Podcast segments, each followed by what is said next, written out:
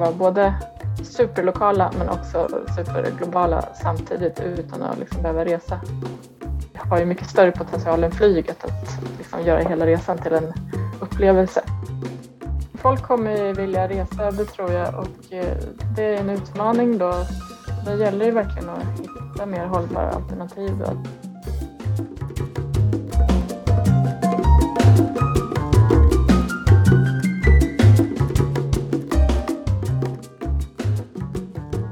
Hej och välkomna till Esplanad. Podden om staden, trafiken och framtiden producerad av Trivector. Jag heter Caroline Ljungberg Trolsson och idag har jag med mig Susanna Elfors. Välkommen till podden Susanna. Tack så hemskt mycket. Och eh, du Susanna har ju arbetat med hållbar stadsutveckling i olika former eh, i många år nu. Du har en doktorsexamen från KTH i bebyggelseanalys om hur man kan minska bebyggelsens negativa miljöpåverkan. Och du har arbetat som konsult och politisk sekreterare med miljö och hållbarhet och skrivit flera böcker om hållbar utveckling. Bland annat eh, Hållbart såklart, Fastighetsägarens guide till levande och hållbara stadsdelar. Du Susanna är ju också en av grundarna till Facebookgruppen Tågsemester, som också senare blev en bok. Mm. Hur, eh, hur är läget Susanna? jo, det är bra tack. Ja, vad eh. härligt. Jag tänker på, eh, eh, det har ju varit eh, pandemitider och i förra veckan hade vi, som någon uttryckte det, kosläpp när restriktionerna släppte. Hur, hur har det varit för dig i pandemitider och skiljer det sig någonting nu? Ja, det har väl varit en del saker som har hänt. Jag har själv förskonats från själva sjukdomen så det är jag glad över. Men eh, det har ju varit lite svårt för jag har ju jobbat med tågsemester och de frågorna och det har inte varit så mycket resande under några års tid. Så att, eh, jag har fått ändra fokus lite grann. Precis. Mm. Ja. Det kommer vi prata mer om och det, eh, har, eh, hur det har påverkat tågresandet och om vi kan till exempel få tillbaka det nu när vi har eh, släppt på restriktionerna. Mm. Du har ju arbetat länge med just stadsutveckling. Eh, och det är ett område som vi ser att det händer väldigt mycket inom och vi arbetar mer och mer med just stadsutveckling på olika sätt. Varför eh, är det så viktigt? Ja, det är en bra fråga för jag tycker att landsbygden också är väldigt viktig och det är inte så att eh, man liksom bara ska fokusera på städerna, vilka en del människor ifrågasätter då, utan jag ser lite grann att man måste göra, det kanske låter konstigt, man ska göra landsbygden lite mer urban genom att ha bättre förbindelser så att folk inte är så bilberoende på landsbygden och att man också har bättre service på landsbygden. Men i städerna behöver man kanske göra lite mer eh, lantliga eller rurala då. Och då menar jag inte att man ska bo jättelångt ifrån varandra men att vi producerar mer mat eh, nära där vi bor och eh, ja, producera mer och inte liksom bara lever på omgivningarna. Så det ser jag som en viktig fråga och brinner mycket för så här ätliga odlingar i städerna. Spännande, och det kom vi in på mer. Jag bara tyckte det lät väldigt spännande här du sa att landsbygden ska bli mer urban. Hur, hur då? Ja, nej, men jag tänker Alltså jag menar inte att det ska bli stora städer på landsbygden, men att man ska kunna leva hållbart på landsbygden också. Och där tror jag det är viktigt att bygga ut liksom små städer och byar eh, där det finns bra service och möjligheter för de som bor där att kunna leva kvar och kanske också bra spårförbindelser ser jag ju framför mig till exempel ut runt om i hela landet. Mm. Och det är ju sätt att göra landsbygden mer urban och samtidigt göra städerna mer, ja, mer självproducerande och inte så otroligt beroende av omgivningarna för att idag så är städerna oftast, ja, vi gör ju ingenting, vi bara tar in saker utifrån då, att vi mm. också kan producera saker. Mm. Jag tänker, eh, om vi tänker, pratar stadsutveckling, det, känner du att det är något särskilt som händer just nu eller har hänt eh, kopplat till pandemin? Eh, kring städerna? Ja, jag skulle säga att det liksom har väl eskalerat, eller pandemin verkligen såg till att det tog fart och jag tror ju att vårt arbetsliv kommer att förändras för alltid till exempel. Mm. Och det kommer ju påverka städerna och digitaliseringen kommer också ha en mycket starkare inflytande över hur vi planerar och hur städerna ser ut. Det blir liksom som ett till lager då. Och jag menar, det finns ju redan metaverse på gång och det blir som att vi kommer ha en virtuell stad som också påverkar den fysiska stadens eh, utseende. Och till exempel så kommer vi kunna bli eh, mycket mer eh, lokala samtidigt som vi är globala på samma gång. Så vi kan vara både superlokala men också superglobala samtidigt utan att liksom behöva resa så mycket. Och det är ju väldigt spännande. Så att jag tänker ja, att vi kan till exempel eh, arbeta eh, i eller nära hemmet. Vi kan liksom utnyttja de tjänster som finns i närheten av hemmet och därför är liksom den lokala staden eller kvarteret så himla viktigt då för framtida städer. Att det inte bara ska åka någon annanstans hela tiden för att göra saker och ting. Och där hoppas jag också, jag, jag Alltså man tittar på prognoserna är ju liksom biltrafikutvecklingen inte så optimistisk. Men där måste vi göra oss fria från prognoser och mer jobba på ett annat sätt. Jag har ju undervisat på KTH i något som heter backcasting som är en bra metod där man istället för att titta på prognosen, så här kommer det se ut, där vi måste bygga fler vägar eller vi måste göra si och så, så tittar man på så här, eh, ett framtidsscenario, så här vill vi att ska se ut och sen så backar Precis. man och tittar bak och så här, vilka steg behöver vi ta för att nå dit. Vi hade ett väldigt uppskattat webbinarium eh, förra veckan som handlade om det här med tredje platsen där eh, bostaden är den första och eh, arbetet är den andra och den tredje blir ett ställe att ses på eller en, en plats.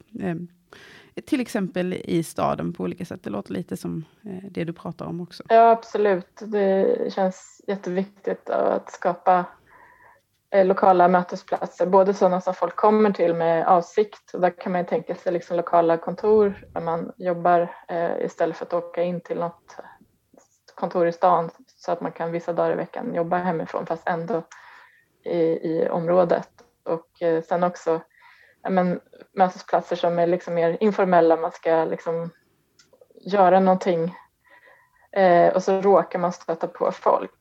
Så mm. där, jag är ju till exempel lite skeptisk till det här utvecklingen att man har sådana här postboxar överallt så att folk inte behöver gå och hämta sina paket och då kan man ju tycka att det är bekvämt men det blir också så att då tar man bort en mötesplats och, och liksom alla sådana här oavsiktliga mötesplatser tror jag är jätteviktiga, speciellt för människor som är ensamma och isolerade idag, att man kommer ut och ser sina grannar. Mm. För att det finns forskning som visar på att det här med face to face kontext, att man liksom varje dag träffar någon man känner lite grann och säger hej och kanske pratar lite om väder och vind, att det har jättestor betydelse för hur, hur man mår och om man känner sig ensam eller inte då. Så att det är inte liksom bara djupa vänskaper och sånt utan även de här ytliga kontakterna är otroligt viktiga för människors välmående. Mm. Och det har vi ju också plockat bort mer och mer under pandemin. Jag tänker med eh, matleveranser hem och även andra leveranser med olika företag som kan ja. leverera paket direkt utanför dörren. Vilket är superpraktiskt på många sätt, men då tappar man de här ja, mötena. Mm. Eh, du har ju startat ett koncept som kallas för kvartersutveckling, eh, som du beskriver som att utveckla livet mellan husen och skapa trivsamma och hållbara kvarter.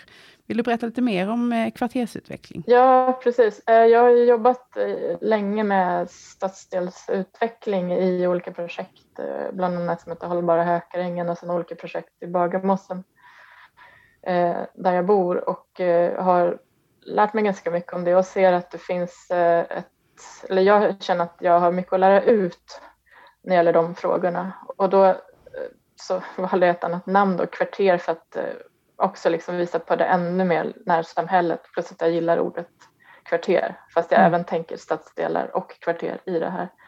Eh, och, och, det som jag gör just nu är dels att erbjuda olika tjänster kring det här och det som att starta upp eh, lokala kontor, kvarterskontor Eh, och kvartersträdgårdar, odlingar då, där boende kan medverka eh, och sen också eh, olika tjänster för hållbar mobilitet. Och sen till det här så har jag känt att jag gärna vill lära ut mer. Så just nu så har jag gjort en betaversion av en eh, webbkurs i kvartersutveckling, bli en certifierad kvartersutvecklare då. Eh, Eh, och det har varit jättestort intresse så att vi har haft eh, 45 deltagare här nu på det här första försöket eh, och otroligt roligt att starta upp en sån här webbkurs. Eller det är snarare en hybrid då, för vi kommer också ses på riktigt. Men, men det är bra webbformatet för att folk kan sitta hemma och göra det här så det tar inte lika mycket tid som om man ska ses hela tiden och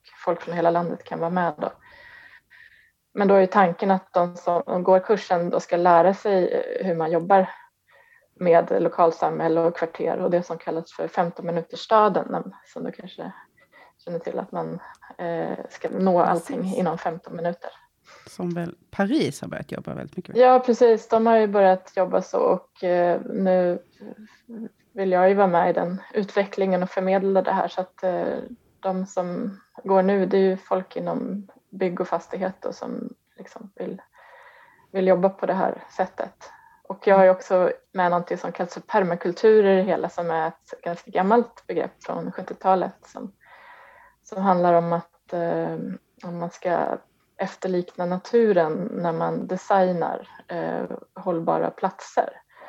Så man ska inspireras av naturen och sen har man olika principer då för hur man ska tänka eh, när man designar en hållbar plats. Och ofta jobbar man med odling eh, men man kan också applicera det på andra saker. Och det är till exempel att man observerar platsen väldigt noggrant och tittar så här hur det ser ut där och sen att man jobbar med småskaliga lösningar och ja, en mängd olika principer då.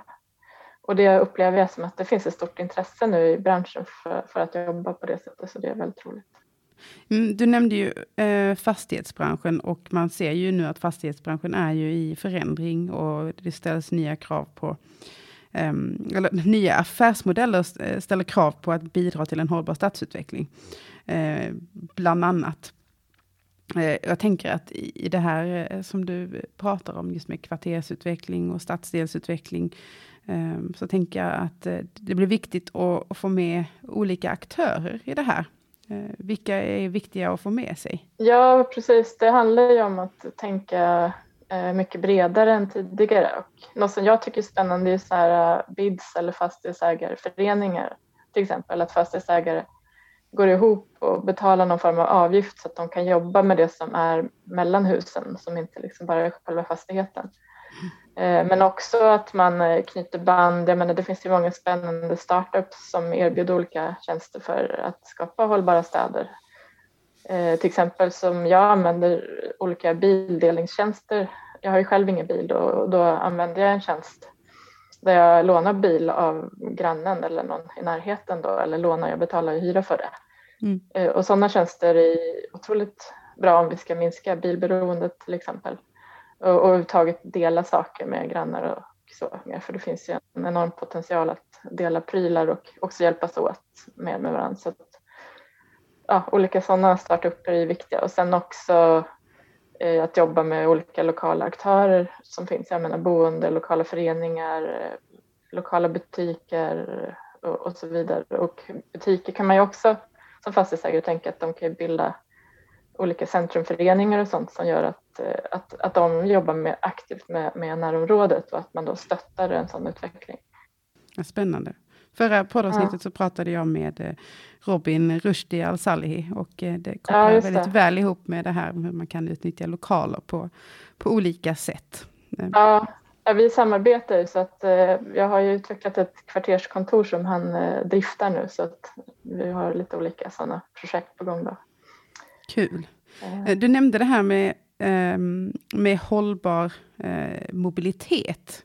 Hur tänker du kring, eller om det, eh, just i, när det kommer till kvartersutveckling och stadsutveckling? Jag tänker ju att, att dels, precis, dels har man ju det lokala, tågsemester, hur det är långväga liksom, resorna.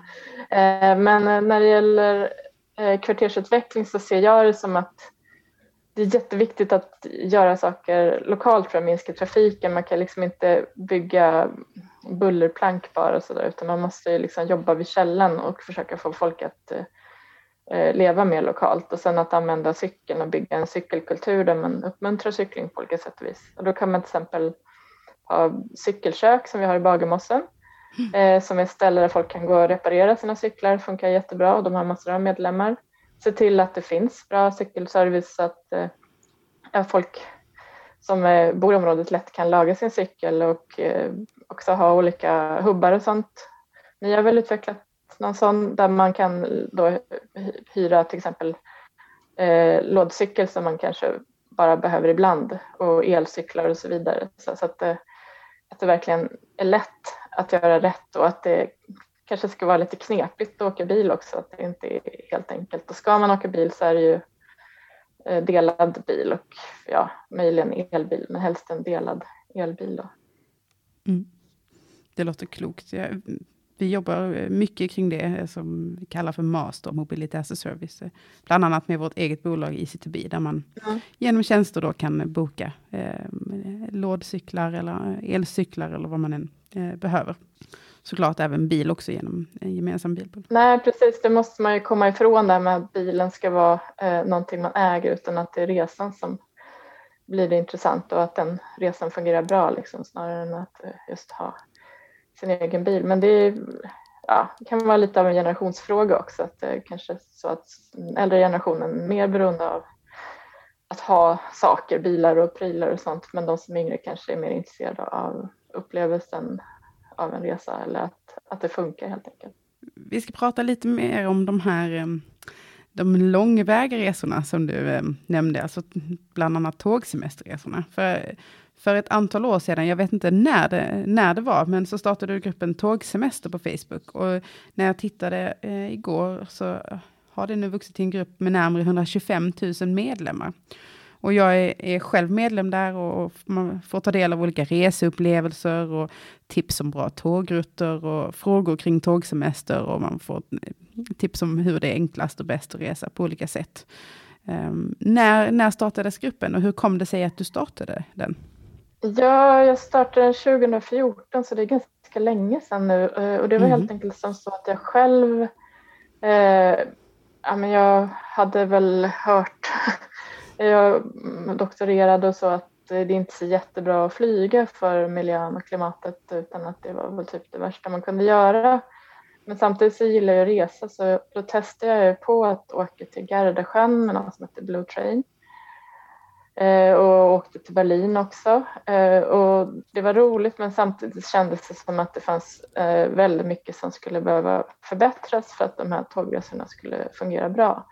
Eh, för det, ja, liksom byten och lite allt möjligt sånt där som inte riktigt funkar och komforten.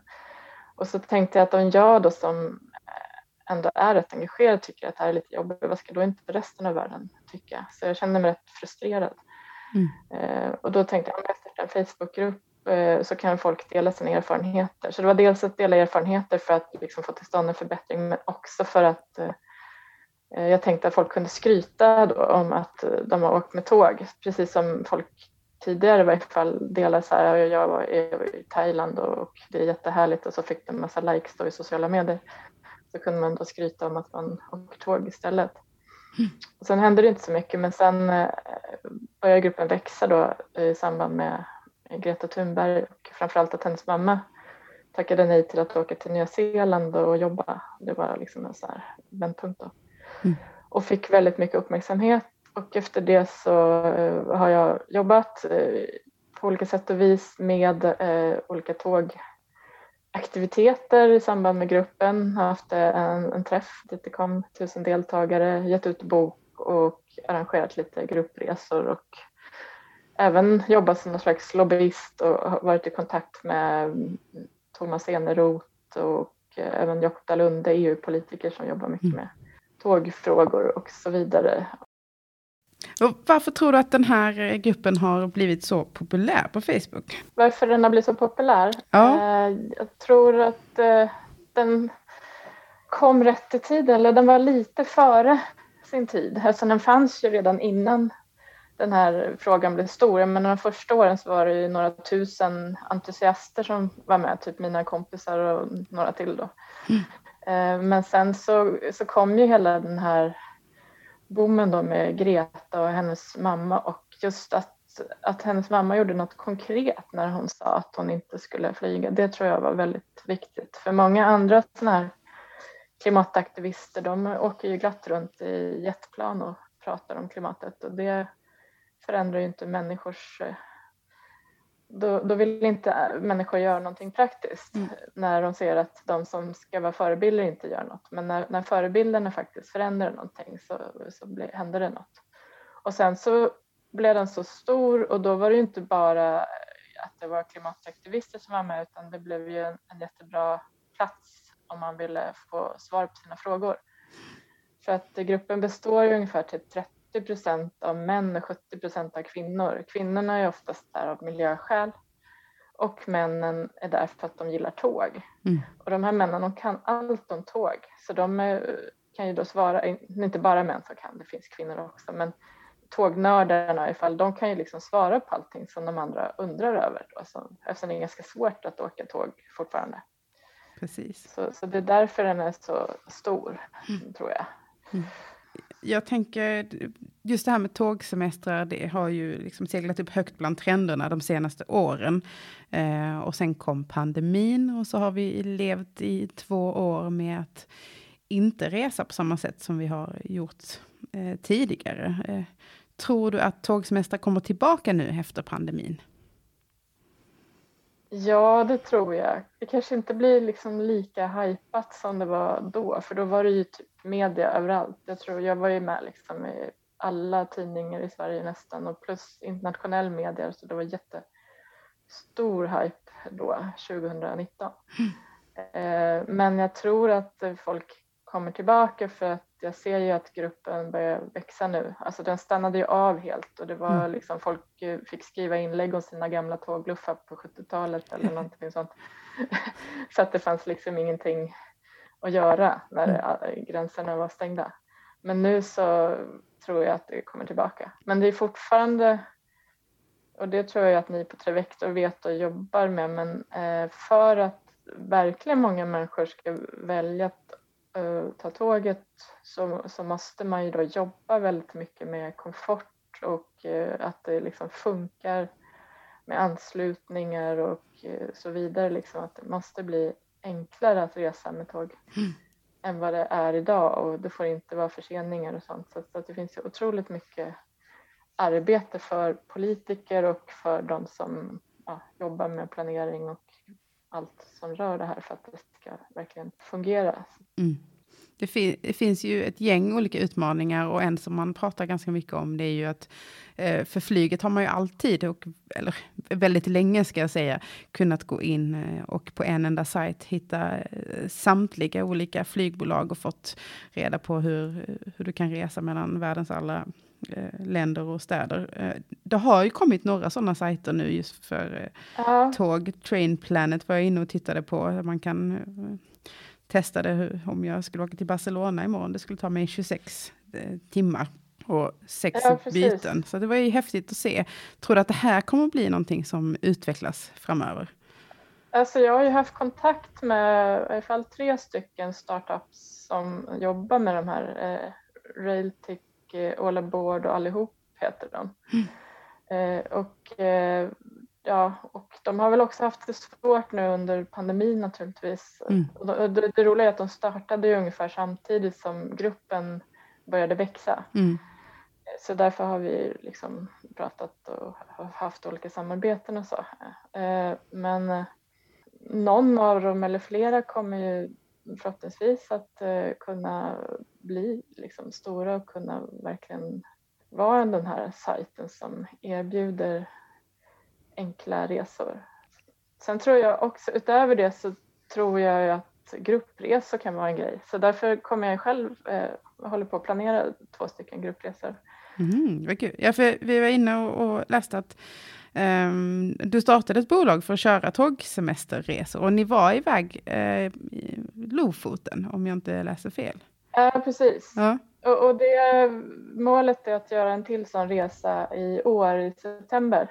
Mm. Eh, till Lofoten och denna gång tillsammans med en kille som också är yoga och mindfulness-lärare. Så att, eh, för att få liksom, eh, både naturupplevelse och det här mindfulness och yoga. Jag tror det skulle bli helt fantastiskt. Mm. Det, utmaningen nu det är att hitta en sal vid Lofoten som är till mm. för att rymma alla dessa människor för att man måste köra det inomhus. Då. Det regnar lite för mycket där. Men annars den resan som vi gjorde då, den var helt fantastisk. Eh, så Lofoten är ett jättebra ställe att resa till. Det är så enkelt, det är inga byten eller någonting. Eh, sen ser jag ju sån potential just med tågresorna eftersom resorna är ganska långa och är man gruppresor då har ju tid, folk verkligen tid att lära känna varandra. och Man kan liksom göra mycket av själva resan som en slags eh, plats där man då får den här känslan av att lära känna varandra och eh, ja, så att det har ju mycket större potential än flyget att liksom göra hela resan till en upplevelse. Mm. Ja, och eh, planerar också en till resa som ska gå till eh, Freiburg eh, som är, är en stad som har jättemycket hållbara lösningar och som vänder sig till stadsplanerare och arkitekter och alla sådana, så det är mer en, en jobbresa som också ska bli i höst. Då. Trevligt, där har jag själv kunna varit på eh, flertalet studieresor och åkt dit med ja, tåg. Ja, men ni kör det med Trivecco har jag förstått. Ja, vi har gjort det, men det har också legat nere nu. Men eh, ja, Freiburg är ju en häftig stad att eh, titta på just ja. när det kommer till hållbar mobilitet på olika sätt. Så. Ja, Kul. precis. Äh, jättekul. Jag, jag tror verkligen att eh, många olika typer av gruppresor skulle kunna funka utöver att man har bokningssajter. Jag ser att det liksom finns två olika sorters människor. Dels de här som vill göra allting själva och och då funkar ju bokningssajterna. Men sen de som kanske tycker att det är lite knepigt och som också gärna vill lära känna andra människor. Och då är gruppresor perfekt. Mm. Koppla också till det vi pratade om innan, om man behöver de här mötena. Eh, jag måste fråga dig när vi pratar om eh, tågsemester, vilket som är, har du ett, liksom ett, ett bästa tågminne? Har du något sådant? Ja, dels den här till Lofoten var ju faktiskt det var en fantastisk resa. Alltså det var fantastiskt väder och folk blev vänner för livet och så. Så det, är ett av de bästa. Och sen så var jag ute med min familj och eh, körde i tre veckor. Och vi besökte bland annat Slovenien som jag tyckte var ett jättetrevligt land att åka till. Eh, Kroatien och Wien och Budapest och runt liksom klassiska Europa. Och det var intressant. Och sen så tog vi också kollade på Auschwitz-Birkenau med, med, barnen och det var som en hemsk upplevelse men också värt att eh, se. Så, så att eh, mm. om man har barn i så 11-12 års åldern som man vill visa Europa skulle jag säga att det är perfekt att eh, ta en tågresa och sen ha lite badsemester på det också. Hur funkar det att resa med tåg där? Var det enkelt? Eh, nej, det är inte alltid helt enkelt utan det, det, hände ju saker. Vi åkte ju, bokade fel i Polen så vi fick inte någon sovvagn utan fick sitta hela natten och det var ganska jobbigt kan jag säga så att eh, det är inte alltid helt enkelt sådär så att eh, men ni kommer minnas det? det? Man får ju vara beredd på lite äventyr helt enkelt. Så, mm. så är det ju. Det börjar bli dags att avsluta det här avsnittet, men jag eh, tänker um, fråga dig kring Eh, hur du tänker om vad som händer framöver, både när det kommer till stadsutveckling kanske och resande. Um, vi håller liksom på att ta oss på, no på, något sätt ur den här pandemin och man kan kanske se att det finns ett uppdämt behov av att resa på ett sätt som det inte har funnits innan. Vad, vad tror du? Ja, vad kommer att hända? Det, folk kommer vilja resa, det tror jag, och eh, det är en utmaning då. Det gäller ju verkligen att hitta hitta mer hållbara alternativ och att sprida ut resandet på året och att kanske få folk att göra lite längre, att de reser en rejäl resa och sen inte håller på och okynnesflyger så mycket till exempel. Det kan ju vara en möjlighet. Eh, och sen naturligtvis eh, tågresande. Däremot när det gäller stadsutveckling så tror jag ju att vi kanske gärna vill vara mer lokala Eh, framöver också. Att det gäller att bygga städerna på det sättet så att, så att vi kan leva de här eh, lokala liven. Att vi är nog lokala och globala på samma gång men kanske inte passera, resa runt, ränna runt i staden liksom för att besöka något köpcentrum och liksom sådana saker. Det, sånt fixar vi ju ändå på nätet idag. Så att, eh, jag ser framför mig att, att den typen av anläggningar försvinner i framtiden. Spännande. Eh. Stort tack Susanna för att du ville vara med och gästa Esplanad. Mm. Tack så hemskt mycket.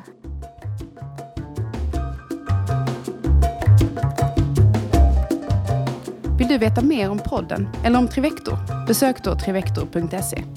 Och har du tips eller tankar om podcasten? Hör av dig till esplanad.trivector.se.